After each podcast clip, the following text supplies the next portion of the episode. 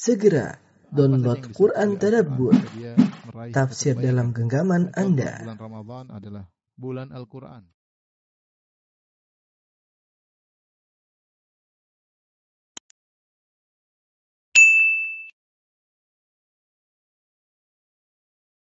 Bismillahirrahmanirrahim. Assalamualaikum warahmatullahi wabarakatuh. Alhamdulillahi ala ihsani wa syukru lahu ala taufiqihi wa amtinani. Wa asyhadu an la ilaha illallah wahdahu la syarika lahu ta'ziman li sya'ni. Wa asyhadu anna Muhammadan abduhu wa rasuluhu da'ila ridwani. Allahumma salli alaihi wa ala alihi wa ashabihi wa ikhwani. Uh, ikhwan dan akhwat, rekan-rekan yang dirahmati Allah Subhanahu wa taala baik di Oman atau Abu Dhabi atau di mana pun antum berada, kita kembali membahas tentang uh, salah satu dari nama-nama Allah yang terindah yang kita dituntut untuk beribadah dengan nama-nama tersebut di antaranya adalah Al-Wadud ya. Al-Wadud. Al-Wadud kalau kita artikan secara bahasa yaitu yang uh, maha mencintai uh, hamba-hambanya yang soleh hamba-hambanya yang soleh atau yang dicintai oleh hamba-hambanya yang yang soleh al-wadud al-wadud uh, diambil dari kata al-wud ya secara bahasa secara bahasa ya. Ya, diambil dari kata uh, al-wud ya al-wud al-wudu yang dia adalah maknanya adalah uh, al-mahabbah maknanya maknanya al-mahabbah atau hub. Ya dia kembali kepada makna cinta ya. Makna artinya cinta. Ada yang mengatakan bahwasanya al-mahabbah terkait dengan yang di hati adapun al-wud terkait dengan yang nampak ya, ekspresinya. Tapi intinya ini kembali kepada makna al-mahabbah dan ini disebutkan oleh para pakar bahasa di antaranya oleh uh, Ibnu Faris dalam kitabnya Muj Mu'jam Maqaisil Lughah beliau menyebutkan bahwasanya al-wud kembali makna maknanya kembali kepada al-mahabbah. Demikian juga disebutkan oleh Ibnu Manzur dalam lisan uh, lisan al-Arab. Uh, oleh karenanya penggunaan kata al-wud sendiri ada dua penggunaan dalam bahasa, secara bahasa ya. Yang pertama uh, maknanya adalah al-mahabbah ya. Makna aslinya adalah mahabbah ya. Uh, seperti firman Allah Subhanahu wa taala dalam di akhir-akhir surat Maryam, innalladzina amanu wa amilus salihat sayaj'al lahumur rahmanu wudda. Sayaj'alu lahumur rahmanu wudda. Yang kata Allah Subhanahu wa taala, sungguhnya orang yang beriman dan beramal saleh, Allah akan menjadikan bagi mereka wudda. Itu kata Allah, orang yang beriman dan beramal saleh, Allah akan menjadikan Allah menjadikan hamba-hambanya mencintai mereka. Hamba-hambanya mencintai mereka.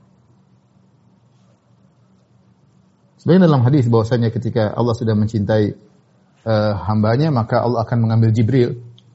Uh, mengambil Jibril bahwasanya Allah kemudian mengatakan, "Ya Jibril, sungguhnya ini ahbabtu fulanan fa ahibbah." Wahai Jibril, sungguhnya aku mencintai si fulan, maka cintailah dia. Kemudian fanada Jibril fi ahli sama, maka Jibril pun berkata kepada penghuni langit kepada para malaikat, "Inna Allah ahabba fulanan fa ahibbuh." Sungguhnya Allah mencintai si fulan, maka cintailah uh, cintailah si fulan karena Allah mencintainya. Kemudian fakuti yuktabu lahul qabul, maka Allah menjadikan hamba-hambanya di bumi pun men mencintainya. Di sini uh, para ulama atau para ahli tafsir menafsirkan wud kata wud di sini sama dengan mahabbat. Sini berarti wudda ya. Wuddan ya sama dengan hubban yaitu mencintai sama dengan cinta ini asli apa namanya uh, secara bahasa al-wud artinya mahabbah contoh juga dalam hadis dalam hadis Rasulullah SAW bersabda uh, inna min abarril bir silatu rajul uh, uh, ahli wuddi abih ya. Ahli wuddi wuddi abihi. Ba'dama yuwalli ba'dama uh, yuwalli Ya, artinya sungguhnya di antara di antara berbakti yang paling baik adalah seseorang e, menyambung silaturahmi dengan keluarga wudi abihi. Perhatikan sini, yaitu orang menyambung silaturahmi dengan keluarga dari teman dekat bapaknya. Di sini wudi abihi artinya e, kekasih ayahnya. Kasih ayahnya setelah ayahnya meninggal. Setelah ayahnya meninggal. Ayahnya wafat. Jadi e, di antara bentuk bakti kita kepada orang tua kita, kalau ayah kita punya teman dulu, kita tahu dia dekat dengan ayah kita semasa hidupnya, kemudian ayah kita meninggal, maka kita berbuat baik kepada teman ayah kita tersebut atau kepada keluarga teman ayah kita tersebut. Ya. Sebenarnya dipraktikkan oleh Ibnu Umar radhiyallahu taala anhu. Ibnu Umar suatu hari berjalan kemudian dia melihat ada seorang Arab Badui, maka Ibnu Umar kemudian melepaskan sorbannya, kemudian dia pakaikan kepada orang Arab Badui tadi, kemudian persilakan untuk naik kendaraannya. Orang-orang heran, ini siapa wahai Ibnu Umar? Kata Ibnu Umar, sungguhnya ini dulu bapaknya adalah temannya Umar. Bapaknya teman bapakku. Dan ini adalah anaknya, maka aku berbuat baik kepada anak dari teman bapakku. Jadi di sini Nabi menggunakan uh, kata wud. Wuddu abihi maksudnya kekasih ayahnya itu yang dicintai oleh ayahnya. Jadi secara bahasa al-wud artinya mahabbah. Ini makna yang pertama sebenarnya disebut oleh Ibnu Faris dalam kitabnya Mu'jam Maqaisil Lughah. Kemudian yang berikutnya di antara makna al-wud adalah at-tamanni. Adalah uh, tamanni. Uh, tamanni itu artinya berangan-angan. Jadi artinya cinta.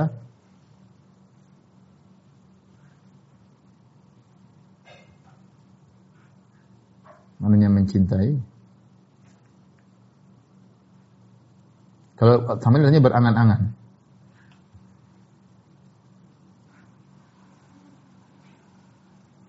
Uh, sebagaimana dijelaskan oleh Ragib, uh, kenapa tamanni uh, di antara makna wud adalah tamanni berangan-angan karena kata beliau Ar-Ragib at-tamanni yatadamman makna al-wuddi lianna at-tamanni huwa tashahhi husuli ma yawadduhu kata Ar-Ragib karena kata berangan-angan itu mengandung makna mencintai. Kenapa? Karena seorang berangan-angan untuk meraih apa yang dia inginkan, apa yang dia sukai.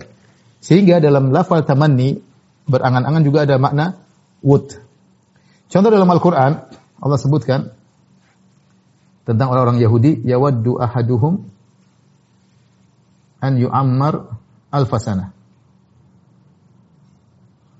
Wama huwa bimuzahzihi minan nari an yu'ammar.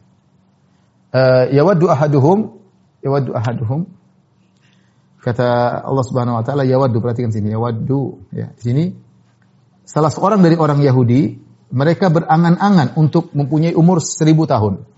Mereka berangan-angan mempunyai umur seribu tahun. Di sini Allah menggunakan kata yawaddu maksudnya adalah berangan-angan. Itu orang Yahudi. Yawaddu di sini ada yawaddu. Yawaddu maksudnya berangan-angan ingin punya umur seribu tahun. Kata Allah, kalau punya umur seribu tahun terus kenapa lantas? Kalau sudah seribu satu dia meninggal masuk neraka. Mau umur satu juta tahun tetap ujungnya akan masuk neraka jahanam. Ya, percuma. Demikian juga dalam ayat yang lain Allah menceritakan tentang tamanni atau angan-angan penghuni neraka. Kata Allah Subhanahu wa taala, "Yawaddul mujrimu law yaftadi min adzabi yaumi idzin bi bani wa sahibatihi wa akhihi wa fasilatihi allati tu'wi wa man fil ardi jami'an thumma yunji." Kata Allah Subhanahu wa taala, "Yawaddul mujrimu lau yaftadi yaitu seorang pendosa yawaddu perhatikan artinya seorang pendosa berangan-angan yaitu ingin berangan-angan ketika dia di seandainya ibunya, ayahnya, kakaknya, adiknya, kabilahnya, seluruh manusia di bumi menebusnya. Mereka yang masuk neraka, dia ini masuk surga. Ya di sini Allah menjelaskan bagaimana orang yang ketika disiksa dia sampai hilang akal sehatnya dia berangan-angan seluruh manusia di muka bumi mau ayahnya, ibunya, anaknya semua masuk neraka yang penting dia selamat. Tapi tidak mungkin terjadi. Jadi intinya kalimat al-wud ini secara bahasa kembali kepada penggunaannya kepada dua lafal yaitu al-mahabbah. Jadi ini makna asalnya al-hub dan makna kedua adalah tamani. Disebut tamani karena tamani mengandung makna lafal makna hub. Taib.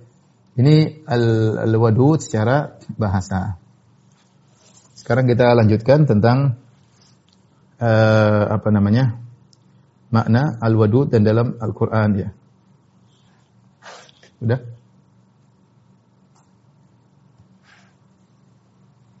Kita lanjutkan. Al-wadud uh, maknanya di pada hak Allah Subhanahu wa taala Al-Wadud. Maknanya dua kemungkinan. Dua kemungkinan. Atau mencakup mencakup dua makna. Mencakup dua makna.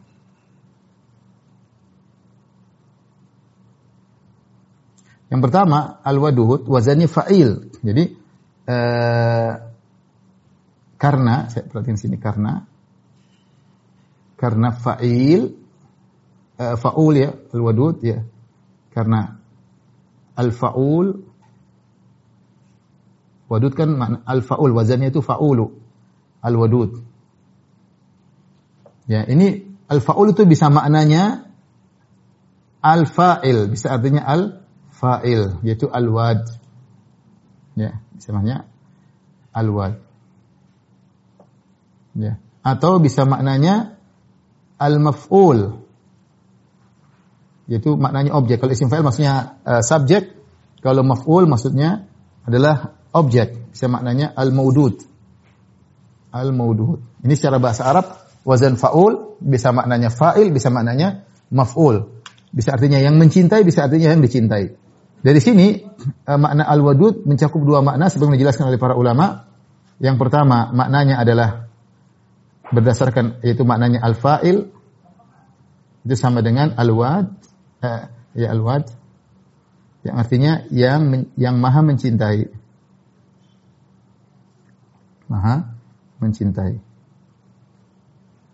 Atau maknanya yang kedua, ini pertama, yang kedua maknanya adalah al-maf'ul. Maf'ul maksudnya al-maudud. Sama dengan al-maudud. Al-maudud maksudnya yang dicintai. Yang dicintai itu yang mencintai hamba-hambanya yang soleh, yang mencintai hamba-hambanya yang soleh.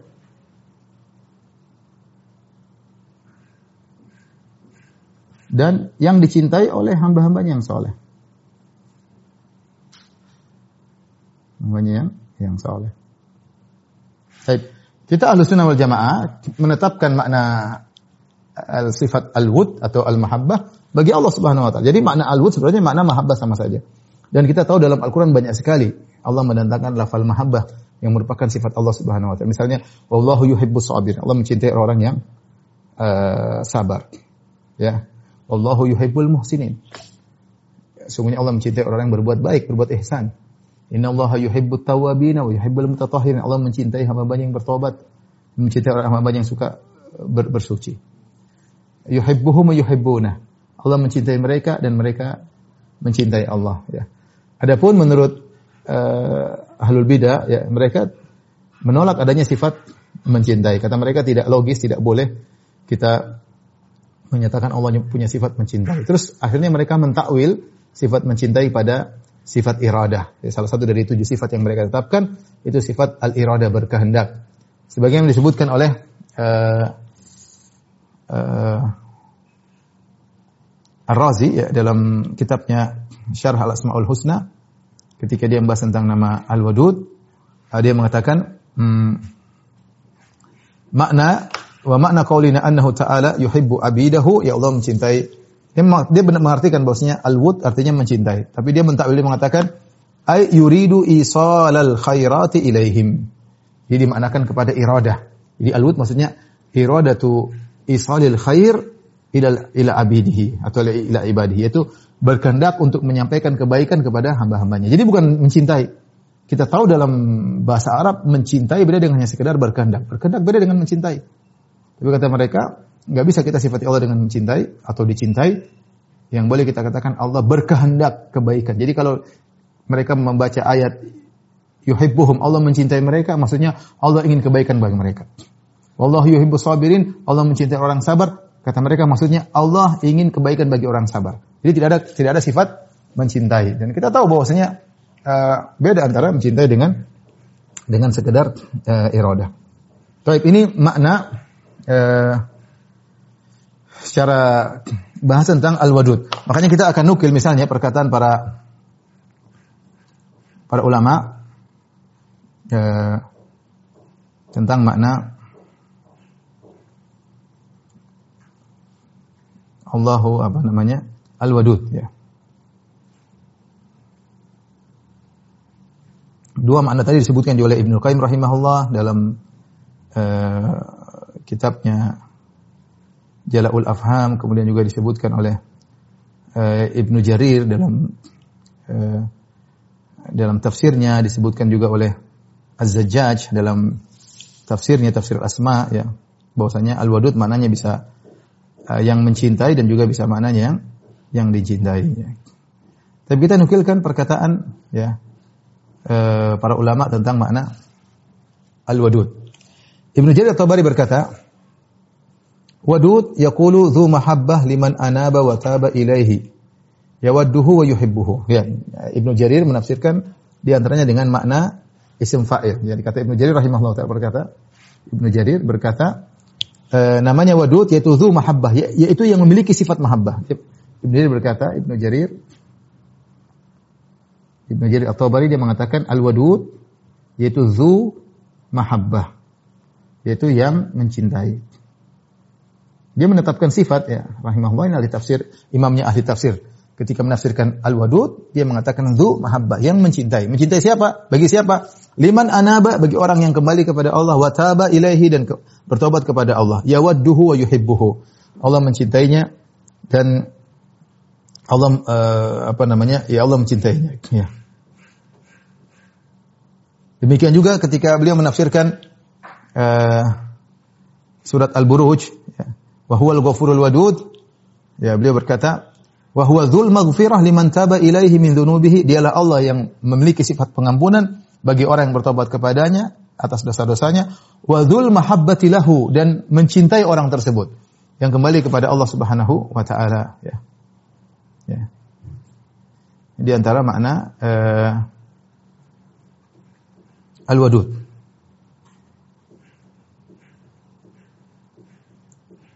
Di antaranya makna al-wadud adalah al-mutahabbib ya ila ibadihi bil ihsan ilaihim ya yang mendekatkan dirinya kepada hamba-hamba artinya hamba-hambanya Allah kenalkan dirinya dengan berbuat baik kepada hamba-hambanya agar hamba-hambanya mencintainya ya agar hamba-hambanya mencintainya ya, ini di antara makna al-wad ya e, al-wadud jadi al-wadud intinya kembali kepada dua makna yaitu yang mencintai atau yang dicintai oleh hamba-hambanya yang yang saleh. Adapun dalam Al-Qur'an dua ayat dalam Al-Qur'an. Jadi Al-Wadud tidak ada dalam As-Sunnah. Rasulullah SAW tidak menyebut dalam hadis yang sahih tentang nama Al-Wadud, tapi datang dalam Al-Qur'an dalam dua ayat. Yang pertama yaitu dalam uh, surat Al-Buruj ya, wa huwal ghafurul wadud dzul arsyil majid fa'alu lima yurid. Wa huwal ghafurul wadud. Al-Buruj, surat Al-Buruj. Itu ayat 19. Dialah Allah Subhanahu wa taala yang Maha Pengampun lagi Maha Penyayang. Al-Wadud, Al-Ghafur, Al-Wadud. Sini Allah Subhanahu wa taala menggandengkan antara Al-Ghafur dan Al-Wadud ya. Ayat 14 ya, 14. Huwal Ghafurul Wadud. Kemudian juga dalam surat Hud, ayat yang kedua, perkataan Nabi Syuaib, "Wastaghfiru rabbakum tsumma tubu ilaih, inna rabbi rahimun wadud." Kata Nabi Syuaib kepada kaumnya, "Wastaghfiru rabbakum tsumma tubu ilaihi, inna rabbi rahimun wadud. Ya Rabbi rahimun wadud. Kata Nabi Shu'aib kepada kaumnya, beristighfarlah kepada Rob kalian dan bertobatlah kepada kalian. Sungguhnya Robku rahim. Maha penyayang dan Maha pencintai. Di sini digandengkan antara rahim, rahim dengan wadud. Ya. Ini dalam uh, Quran surat uh, Hud 90 ya. Ayat 90. Adapun pada ayat yang pertama di sini Allah menggandengkan antara Al-Ghafur Al-Wadud. Ibnu Qayyim rahimahullah taala menyebutkan tentang di antara hikmah kenapa Allah menggandengkan dalam surat Al, dalam surat Al-Buruj Al-Ghafur dengan Al-Wadud, beliau menyebutkan bahwasanya dan ini Al-Ghafur Maha Pengampun, Al-Wadud Maha mencintai, ya. Uh, untuk menjelaskan bahwasanya jangan sampai kita bersuudzon kepada Allah Subhanahu wa taala seperti kalau manusia-manusia betapa sering manusia dia memaafkan tapi dia tidak mencintai. Ada orang berbuat salah sama dia, buat dia jengkel, buat dia murka, maka dia ma dia maafkan, tapi dia tidak mencintai orang tersebut. Apalagi kata-kata orang kalau hati sudah terluka tidak mungkin bisa sembuh seperti sedia kala. Sebagaimana kaca kalau sudah pecah tidak mungkin digabungkan lagi, pasti ada bekas retak-retaknya. Sehingga mereka berkata manusia uh, betapa sering manusia memaafkan tapi tidak mencintai. Adapun Allah Subhanahu wa taala jika hambanya berbuat maksiat, Allah murka kepadanya. Tapi kalau dia kembali kepada Allah, Allah mencintainya. Allah bisa mencintainya.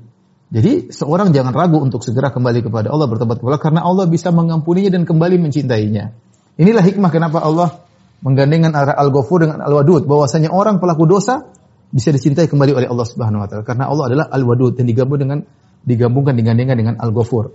Kemudian juga Ibnu Qayyim menjelaskan kenapa digabungkan Rahim dan Wadud mengasihi dan mencintai. Uh, Allah Subhanahu wa taala mengasihi dan mencintai hambanya ya. Kita terkadang bisa saja kita kasihan sama orang tapi kita tidak mencintainya.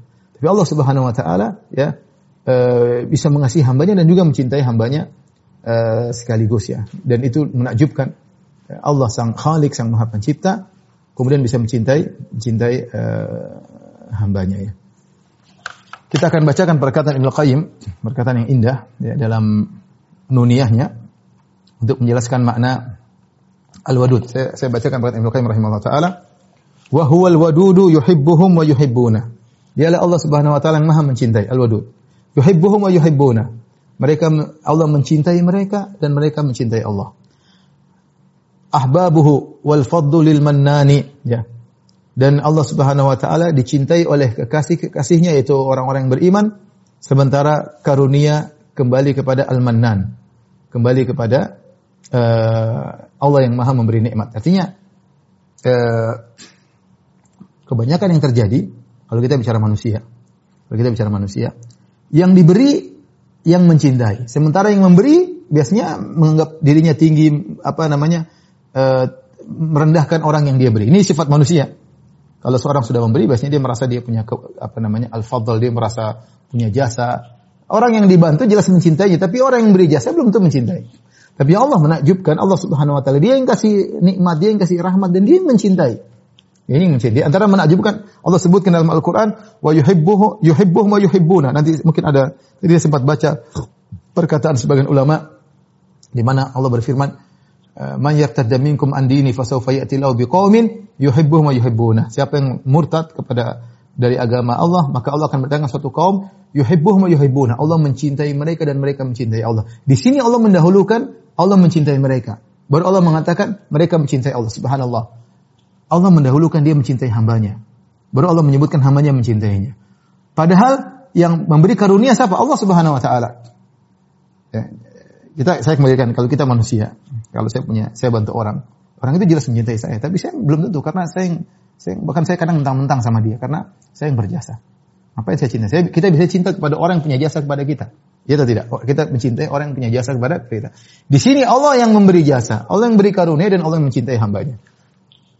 Subhanallah.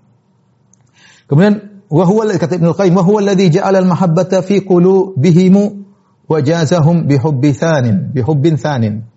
Dialah Allah Subhanahu wa taala yang menjadikan uh, rasa cinta dalam hati-hati hamba-hambanya, kemudian Allah uh, memberi balasan kepada mereka dengan cinta yang berikutnya, cinta yang kedua. Hadha huwal ihsanu haqqan la muawadatan wala litawaqqu'is syukrani ya. Inilah benar-benar kebaikan yang Allah berikan kepada hambanya ya. Allah Subhanahu wa taala uh, apa namanya? Uh, memberi kenikmatan kepada hamba-hambanya ya benar-benar murni bukan karena hambanya tersebut berbuat sesuatu tidak tapi Allah mencintai mereka benar-benar karena dari Allah Subhanahu wa taala karena apa yang dilakukan oleh hamba itu tidak ada bandingan dengan kenikmatan yang Allah berikan kepada mereka dan Allah tidak butuh terima kasih dari uh, dari mereka karena semua kenikmatan kembali kepada uh, sang hamba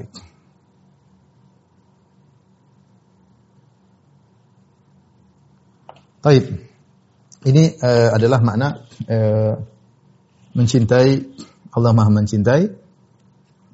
Kemudian kita bacakan di antara uh, keajaiban ya tentang sifat ini.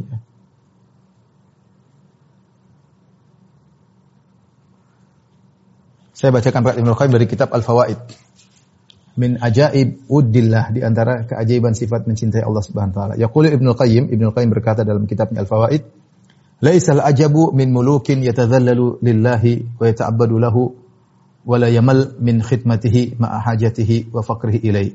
Innamal ajabu min malikin yatahabbabu ila mamlukin bisunufi in'amihi wa yatawaddadu ilaihi bi anwa'i ihsanihi ghinahu anhu." Kata Ibnu Qayyim, bukanlah perkara yang menakjubkan min mamlukin dari seorang budak yang merendah kepada Allah Subhanahu wa taala dan beribadah kepada Allah Subhanahu wa taala dan tidak bosan untuk beribadah kepada Allah.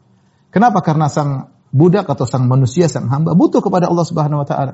Artinya kalau kita selalu beribadah kepada Allah, selalu merendah di depan Allah, itu perkara yang biasa karena kita butuh kepada Allah, kita butuh pertolongan Allah, kita butuh kasih sayang Allah. Tapi yang menakjubkan Ibnu Qayyim sebaliknya, min malikin yatahabbabu ila mamlukin dari sang raja yaitu Allah Subhanahu wa taala yang uh, ingin agar hamba-hambanya mencintainya dengan memberikan berbagai macam kenikmatan dengan memberikan berbagai macam kebaikan padahal Allah Subhanahu wa taala tidak butuh dengan mereka Makanya seorang penyair berkata, "Kafa bika izzan annaka lahu abdun." Sungguh mulia engkau menjadi hamba Allah Subhanahu wa taala.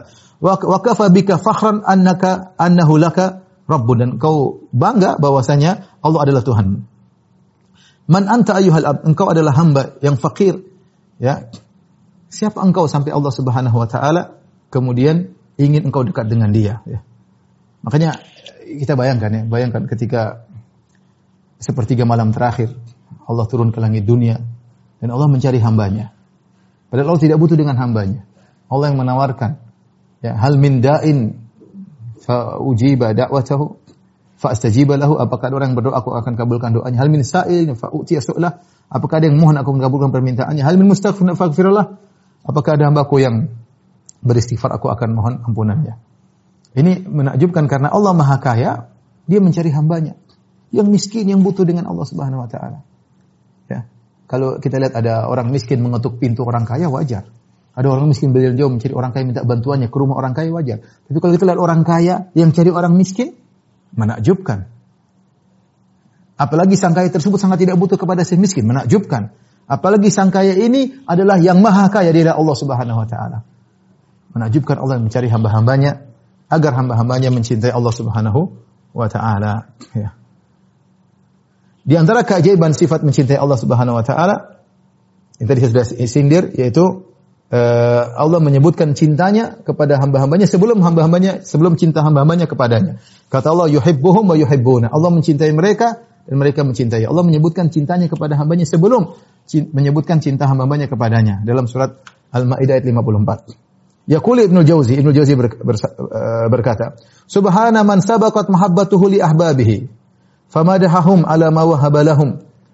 Ya, Maha suci Allah yang kecintaannya uh, kepada hamba-hambanya ya uh, yang mendahului kecintaannya kepada hamba-hambanya sebelum menyebutkan cinta hamba-hambanya kepadanya maka Allah pun memuji mereka atas karunia yang Allah berikan kepada kepada mereka yang buat mereka cinta kepada Allah Allah Allah Subhanahu wa taala tapi Allah puji mereka dan itu nikmat dari Allah Subhanahu wa taala kemudian di antara keajaiban cinta Allah Subhanahu wa taala bagaimana Allah Subhanahu wa taala ya uh, terus memberikan kenikmatan kepada orang-orang yang bermaksiat. Allah berikan agar mereka kembali kepada Allah, agar mereka sadar. Allah berikan kenikmatan meskipun mereka bermaksiat. Kita betapa sering kita bermaksiat dan nikmat jalan terus. Nikmat jalan terus ya. Allah Allah cinta kepada kita agar kita segera kembali kepada Allah Subhanahu wa taala. Ya, kapan waktunya kita sadar kembali kepada Allah Subhanahu wa taala. Di, antara keajaiban cinta Allah Subhanahu wa taala bagaimana Allah sangat gembira jika ada hambanya yang kembali kepada Allah, bertobat keba- kembali kepada Allah. Sebenarnya dalam hadis eh, la- laulahu eh, lau- lau- lau- laulahu ashaddu farahan laulahu ashaddu farahan bi taubati 'abdihi hina yatubu ilaihi min ahadikum kana eh, ma'a rahilati bi falatan falatat minhu.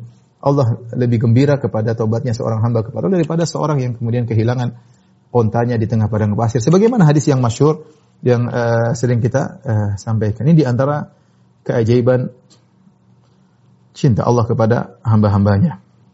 Taib. Di akhir pembahasan kita akan bahas tentang apa dampak dari uh, apa dampak dari meyakini nama Allah Al-Wadud. Al-Wadud ya. Di antara dampak dari beriman kepada nama Allah Al-Wadud ya. Yang pertama ya, ingin kita tulis. Ini sudah? Atau faedah faedah mengimani nama Allah Al-Wadud. Di antaranya mudah untuk ikhlas. Orang yang mencintai yang yang mencintai Allah mudah untuk ikhlas. Ikhlas dalam beribadah.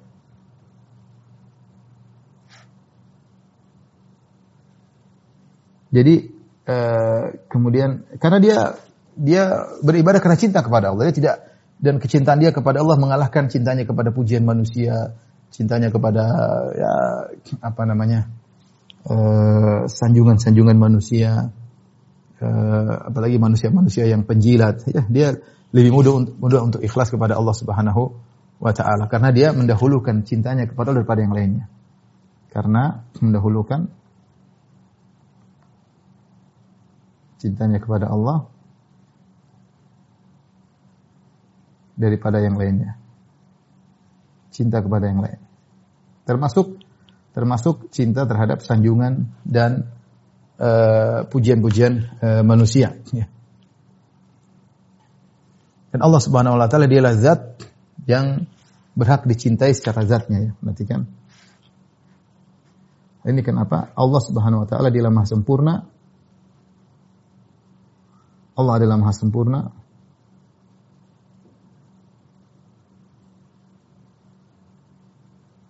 Yang satu-satunya yang dicintai, satu-satunya yang dicintai secara zatnya.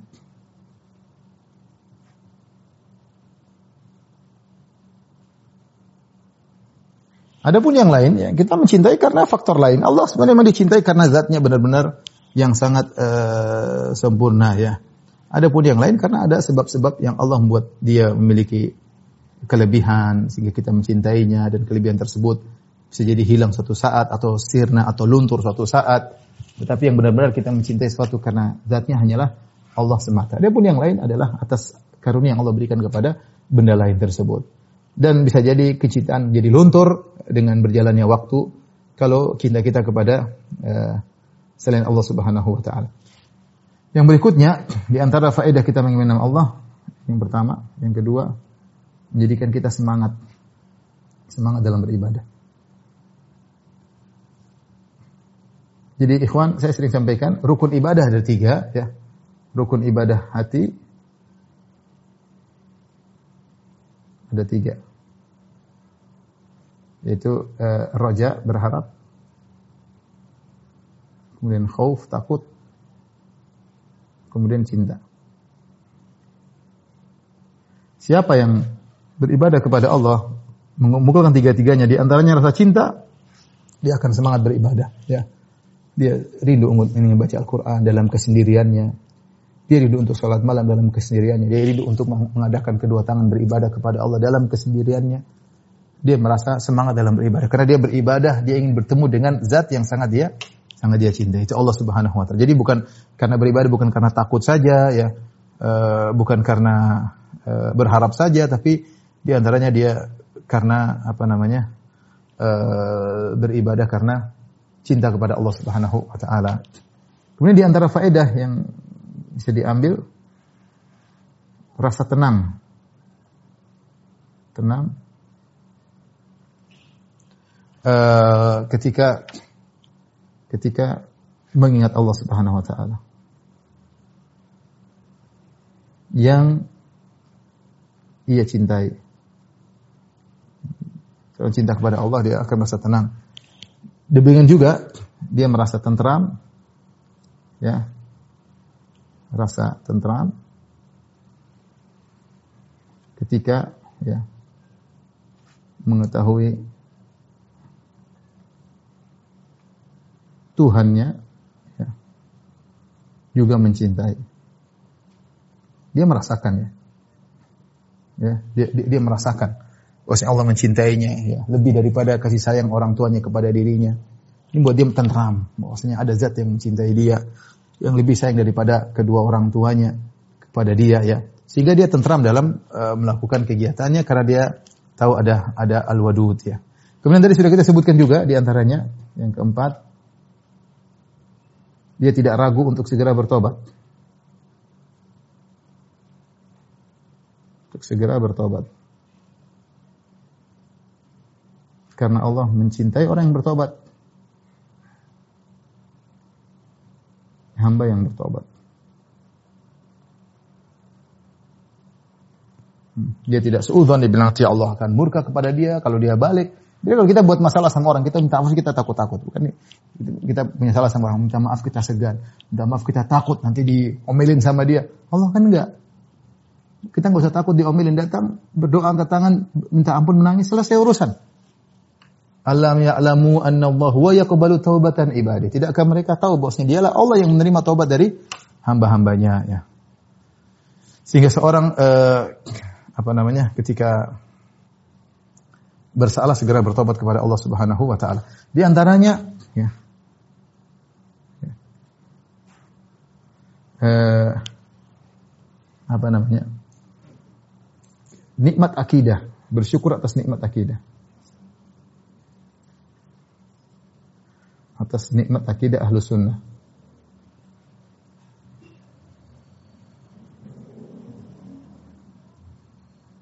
Dengan meyakini Tuhannya bisa mencintai dan bisa dicintai. Dengan meyakini Tuhannya bisa mencintai dan dicintai.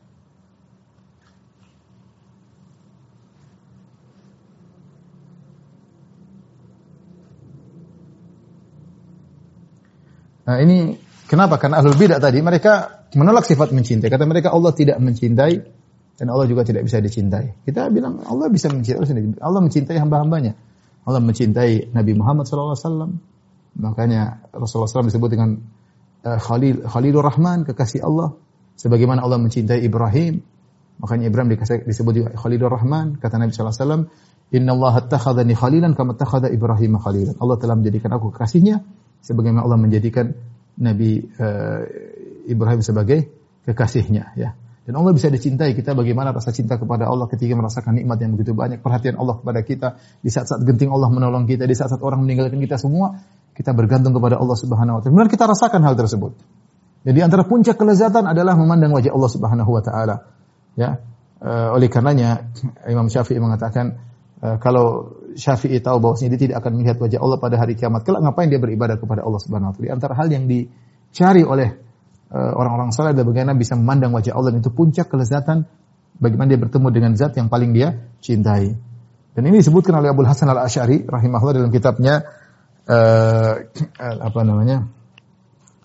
Uh, ya, ya, apa an usulid ya di mana dia mengatakan bahwasanya di antara puncak kelezatan adalah melihat wajah Allah Subhanahu wa taala. Jika seorang sudah melihat wajah Allah, dia akan melupakan dengan kenik apa namanya? melupakan kenikmatan-kenikmatan uh, yang lainnya ya. Oleh karenanya ini tidak dirasakan oleh ahlul bidah ya. Mereka bilang Allah tidak mencintai. Mencintai maksudnya menghendaki kebaikan. Kita ahlu sunnah, alhamdulillah. Dan ini akidah orang-orang awam. Uh, tadi bukunya Abdul Hasan Asyad kitabnya Al-Ibanah an Usulid Diyanah ya. Eh, orang-orang awam sekarang, orang Indonesia, kita sering mendengar kita mereka bilang Allah mencintai kita, kalau ingin dicintai oleh Allah, mudah mereka mengucapkan demikian. Tidak ada takwilan dalam benak mereka. Maksudnya Allah oh, mereka bilang dengan mudah Allah mencintai kita. Ya, Kalau ingin dicintai oleh Allah, kita cinta kepada Allah sering. Ya. Dan itu adalah akidah orang awam ya. Tidak maksud mereka cinta maksudnya bukan cinta. Cinta maksudnya adalah ingin kebaikan. Enggak ada orang ngomong gitu. Itu orang sudah kena syubhat baru ngomong demikian.